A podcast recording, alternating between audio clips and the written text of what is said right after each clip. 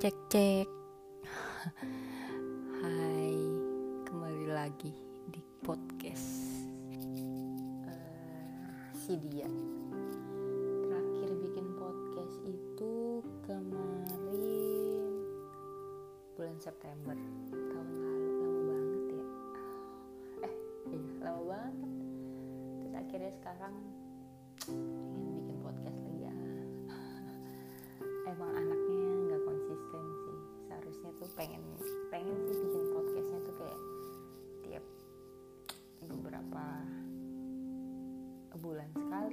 beberapa minggu kok bulan. Tapi ternyata nggak bisa konsisten ya udah nggak apa-apa. Yang penting tetap dengerin ya. Siapa tahu ya pengalaman yang aku sharing tuh sama kayak yang kalian rasain sekarang cerita apa ya kayaknya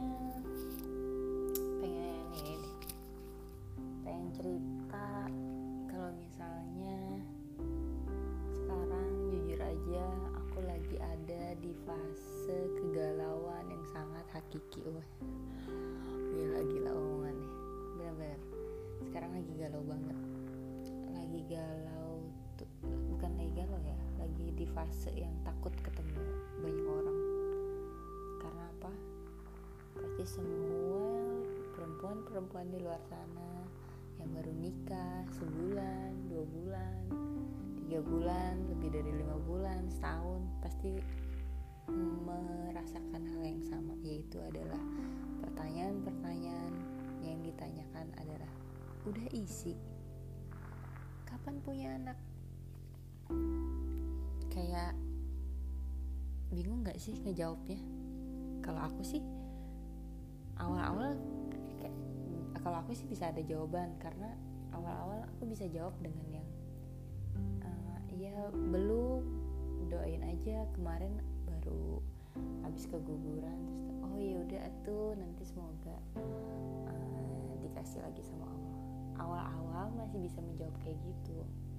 Masih masih ngerasa apa ya karena kejadiannya ke- aku keguguran itu cuma eh, masih dua bulan atau tiga bulan yang lalu aku masih bisa jawab yang kayak gitu. Tapi setelah aku udah nikah setahun ini udah jalan setahun lebih jawab kayak gitu pasti orang kayak oh kapan kegugurannya kalau aku jawab tahun lalu pasti orang kan oh mikirnya ke mana-mana. Tapi kalau sekarang mulai nggak bisa ngejawab kayak gitu dan mulai kayak di fase duh bingung nih mau jawab apa ya kalau ketemu orang? Kayak udah mulai stres ditanyain orang tentang pertanyaan yang sama sih orang tuh nggak bisa nanyain kita itu nanyain pertanyaan yang tanyain kabar dulu kayak minimal gitu. Kan ini lagi pandemi lagi covid. Ya tanyain dulu kayak ya kabarnya gimana kabarnya? Baru nanyain hal itu nggak apa-apa kali ya. Kalau aku nggak apa-apa. Tapi kalau misalnya ada orang udah lama nggak ketemu terus tiba-tiba ketemu yang ditanya itu lagi. Terus kalau misalnya nanti ketemu terus ngeliat kita gendut dikit langsung dibilang eh gendutan udah isi ya? Emang orang gendut harus selalu hamil? Kasian dong adik gue yang gendut. Iya maksudnya bingung ya sama orang-orang zaman sekarang tuh kenapa sih nggak mau nanyain? Apa itu tuh kalau bagi aku itu tuh pertanyaan-pertanyaan itu lama kelamaan jadi bukan pertanyaan yang wajar ya. Karena bikin kita stres sedangkan kita kan lagi promil. Misalnya kita lagi lagi promil. Promil itu kan nggak boleh stres. Selain kita harus makan makanan yang sehat kita minum-minum vitamin kita kan juga nggak boleh stres. Tapi kan pertanyaan-pertanyaan itu tuh bikin stres sebenarnya. Amat sangat-sangat bikin stres. Ya bayangin aja setiap ketemu orang ketemu ya ketemu orang banyak ketemu siapa aja pasti ditanyain kayak gitu. Kalau misalnya bikin anak itu segampang pesan kopi buat entar malam dan bikin segampang buat roti kayaknya aku bisa jawab. Tapi sekarang kan perkaranya bikin anak itu um, kita udah berdoa kita udah ikhtiar segala macam kita coba kita juga udah coba. Maksudnya kita juga sudah menjalankan yang seharusnya dijalankan.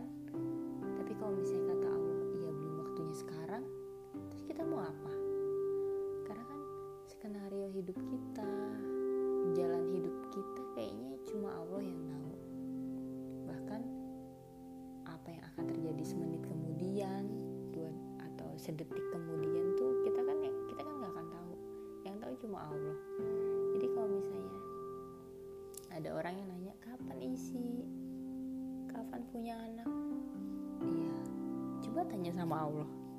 Dia yang tahu soalnya. Allah yang tahu semua uh, jalan hidup kita. Kita kita mah tinggal menjalankan aja gitu. Tinggal ngikutin prosesnya gitu. Kalau misalnya itu kalau misalnya hari ini atau sekarang belum punya anak mungkin Allah emang belum waktunya ngasih. Tapi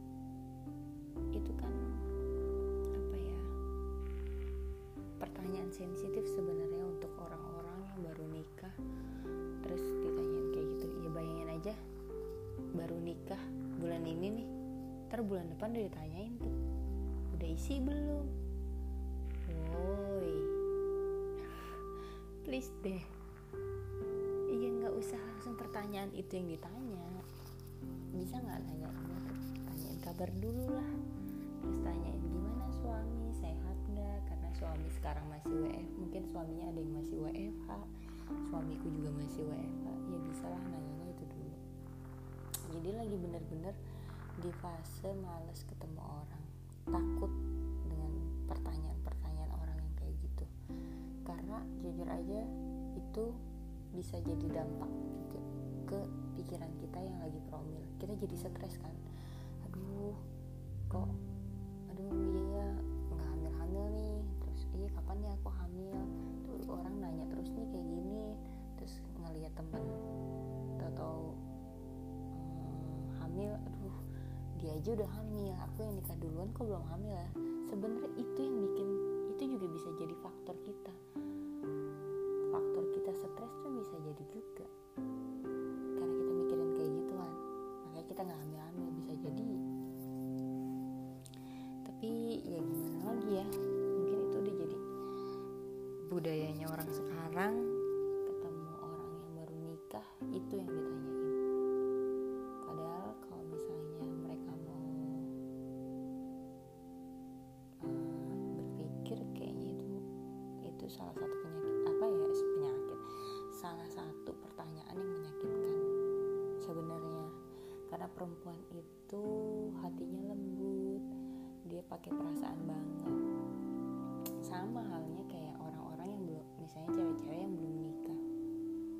apalagi kan sekarang patokannya cewek-cewek di luar sana orang-orang yang nikah tuh 25 tuh udah udah paling tua lah. Harus nikah 25 tuh gitu. Padahal kan nggak kayak gitu. Ada kok yang baru nikah umur 40 baru ketemu jodohnya umur 40 30 35 ya itu itu namanya ya itu yang namanya jalan hidup kita yang tahu tuh cuma Allah. Kalau emang Allah menakdirkan dia ketemu jodohnya di umur segitu ya udah kita udah berdoa kita kalau misalnya ada yang nanya yang sama kayak kapan nikah? Ya nggak tahu. Allah belum kasih jodohnya. Karena kan semuanya itu kita hidup itu semuanya ketetapannya dari Allah. Jadi ya gimana ya? Kadang suka kadang suka kesel sih. Tapi tapi emang aku lagi di fase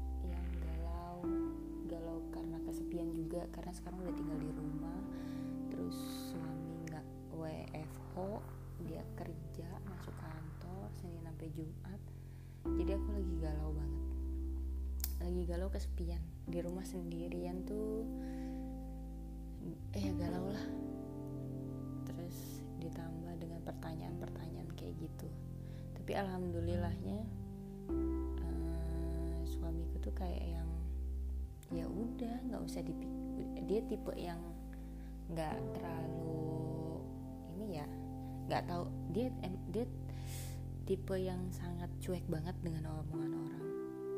Aku yang suka cerita dulu aku uh, ditanyain kayak gini nih barusan terus dia dengan santai dijawab ya udah biarin aja orang anak itu juga dari Allah kok. Yang kasih kita anak tuh Allah ya kalau misalnya emang sekarang belum belum dikasih ya berarti kan Allah emang belum ngasih buat kita. Mungkin Allah punya cara lain Allah punya rencana lain. Nah itulah untungnya ya, suamiku amat sangat menenangkan. Makanya makin ke sini mak agak makin ini sih aku semakin mencoba nggak terlalu mikirin hal-hal kayak gitu juga. Walaupun kadang masih masih kayak duh kesepian nih sendirian di rumah. Terus ya udah mencoba mencoba kuat dengan pertanyaan-pertanyaan kayak gitu. Dan apalagi ketambah kemarin tuh kayak tapi kemarin sih baru tanggal 28 kemarin tuh tepat banget setahun aku kehilangan anak aku yang pertama. Waktu itu itu benar-benar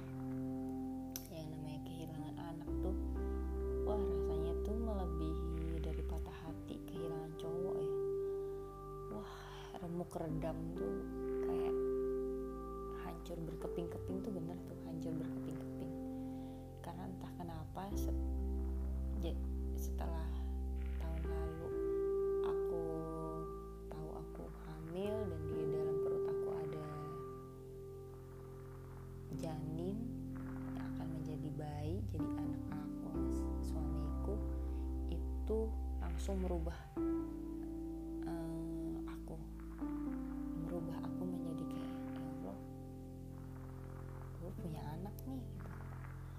jujur aja pas pas tahu pas US eh pas cek pertama USG pas ngeliat foto USG-nya aja tuh langsung jatuh cinta.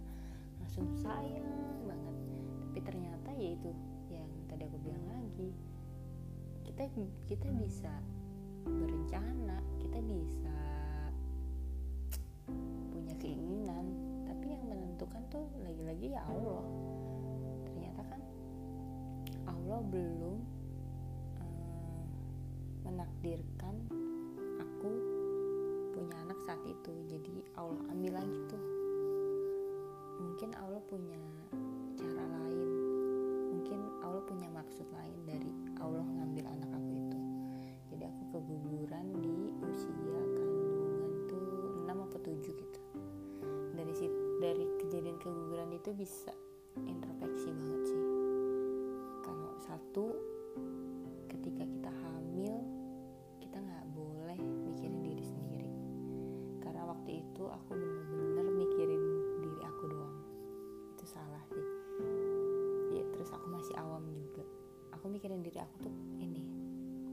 masih hamil kecil tuh.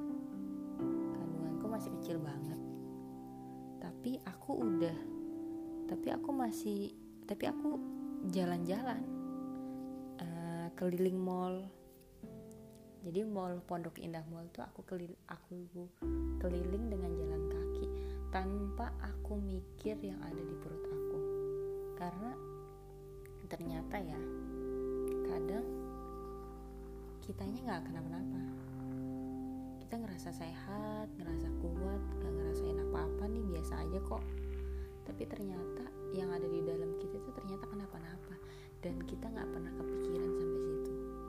Waktu itu mungkin karena waktu itu juga aku masih awam ya karena benar-benar nikah Desember 2019 itu benar-benar Januari 2020 aku langsung positif hamil. Itu senangnya nggak karuan senang banget dan kayak melongo melongo tuh karena emang bener bener-bener wah gue punya anak nih gitu. Tapi ternyata Allah tuh bener-bener ya kalau misalnya bikin, bisa bikin kita itu senang. Kan Allah bikin aku seneng banget tuh nikah di akhir tahun terus Allah bikin seneng lagi dengan hasil tes pack yang positif dengan sekejap Allah bikin aku sedih. Di bulan Februari kehilangan anakku itu rasanya apa ya waktu banget untuk menguatkan diri. Ada nggak cuma aku doang sih suamiku juga.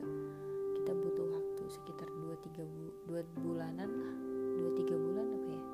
Untuk nggak ke Bandung nggak ketemu dengan ketemu dengan saudara-saudara. Karena gini aku sama suamiku itu nggak pengen yang kita perlihatkan ke orang-orang itu muka sedih. Kita pengen orang tuh ngeliat kita tuh senengnya bahagianya kayak gitu. Dan aku waktu itu belum cukup kuat untuk menceritakan hal yang sama. Karena kan otomatis waktu itu aku soalnya kejadiannya aku di Bekasi. Nah jadi otomatis kalau misalnya aku pulang ke Bandung aku ketemu dengan saudara aku ketemu dengan orang tuaku keluargaku itu otomatis aku belum kuat. Belum kuat pasti aku kalau misalnya disuruh cerita aku nangis. Dan aku nggak mau bikin orang terdekat aku juga ngerasain apa yang kesedihan yang aku rasain gitu. Aku pengen tuh orang tuh kayak oke okay, aku emang sedih gitu tapi kalian jangan sampai sedih juga gitu. Kalian harus kuat karena kalian harus menguatkan uh, kalian harus kuat karena kalian harus menguatkan aku gitu. Makanya aku nggak pengen jadi nangisku sedihku pokoknya bikin aku down waktu itu itu aku simpen berdua masih di aku nangis nangisan waktu itu. Ya udah orang lain nggak lihat gitu. Cuma aku simpen aja berdua sama suamiku orang lain nggak usah lihat. Pas orang lain ketemu kita orang lain ngelihat kita tuh kita udah udah bisa menceritakan kejadian itu kehilangan anak kita itu dengan kuat dengan yang senyum. Jadi udah ikhlas udah pasrah udah kuat. Jadi orang juga ke kita juga oh iya ya ternyata dia aja yang mengalaminya aja bisa seikhlas itu gitu. Jadi kita nggak pengen orang juga terpuruk dengan apa yang terjadi dengan kita juga gitu. Berat sih itu sekitar dua bulan ya dua bulanan sih nggak nggak nggak ketemu orang banyak. Nah dari nah sekarang tuh udah setahun aku juga belum dikasih anak lagi sama Allah. Ya kita nggak mau kita udah ikhtiar kita udah coba tapi emang kalau misalnya Allah emang belum saatnya ngasih kayaknya emang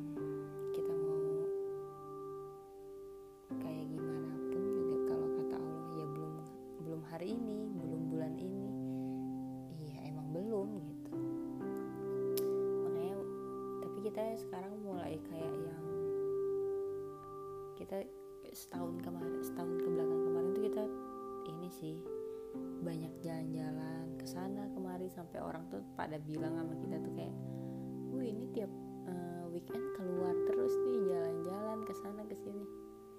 Tapi itu mungkin kalau bagi kita itu jadi terapinya kita. Terapinya kita untuk bangkit dari kita kehilangan anak kita. Karena kan nggak mudah ya kehilangan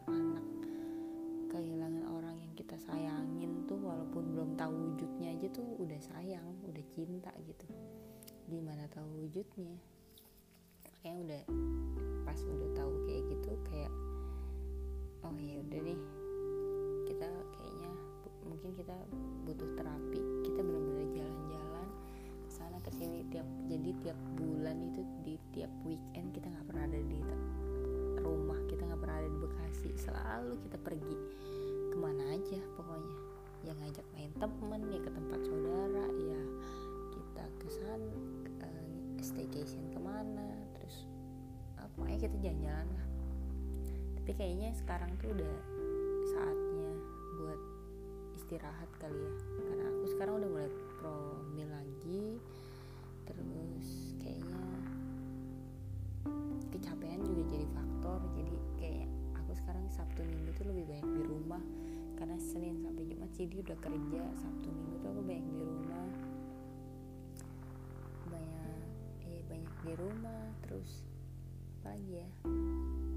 Hmm, paling keluarnya kalau misalnya ada acara keluarga terus pas ada keluarga misalnya ngajak keluar ada temen ngajak main ya temen kan paling ngajak mainnya sebulan juga ya sekali sebulan sekali kadangnya juga enggak kan jadi ya ngikutin ini aja. Tapi kalau misalnya kita nggak ada acara nggak pengen ke mana-mana kita benar-benar di rumah istirahat me time berdua. Quality time berdua nonton film masak apain aja lah pokoknya berdua kita istirahat. Ya tapi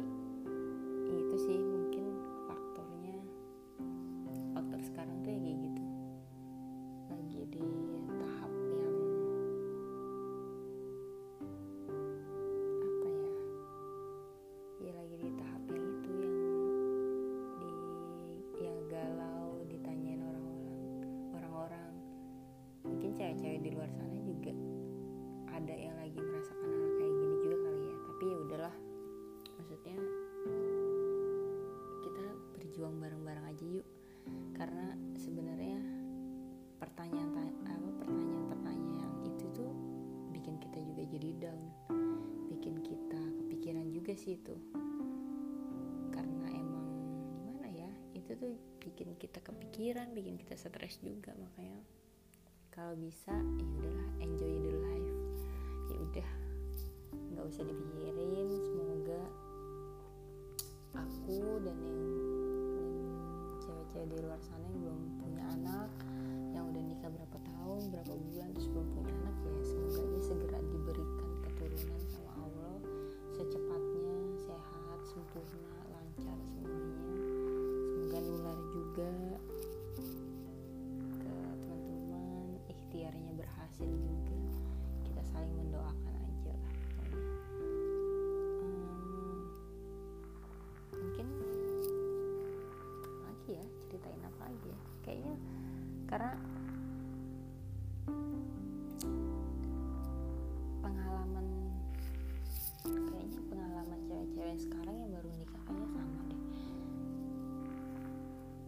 lagi di tahap itu.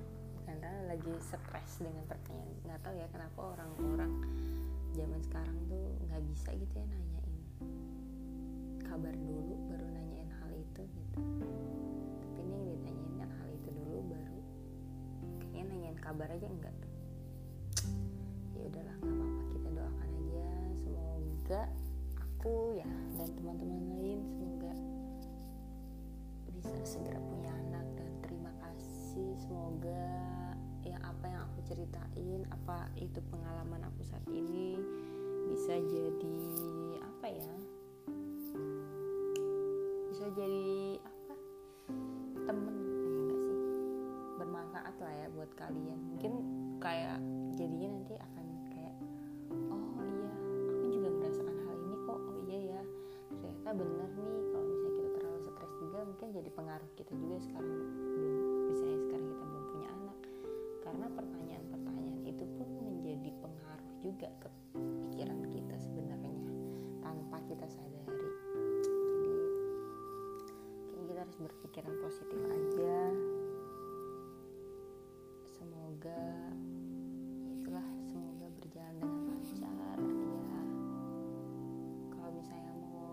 jahat ada orang nanya kayak gitu kan kita bisa jawab ya.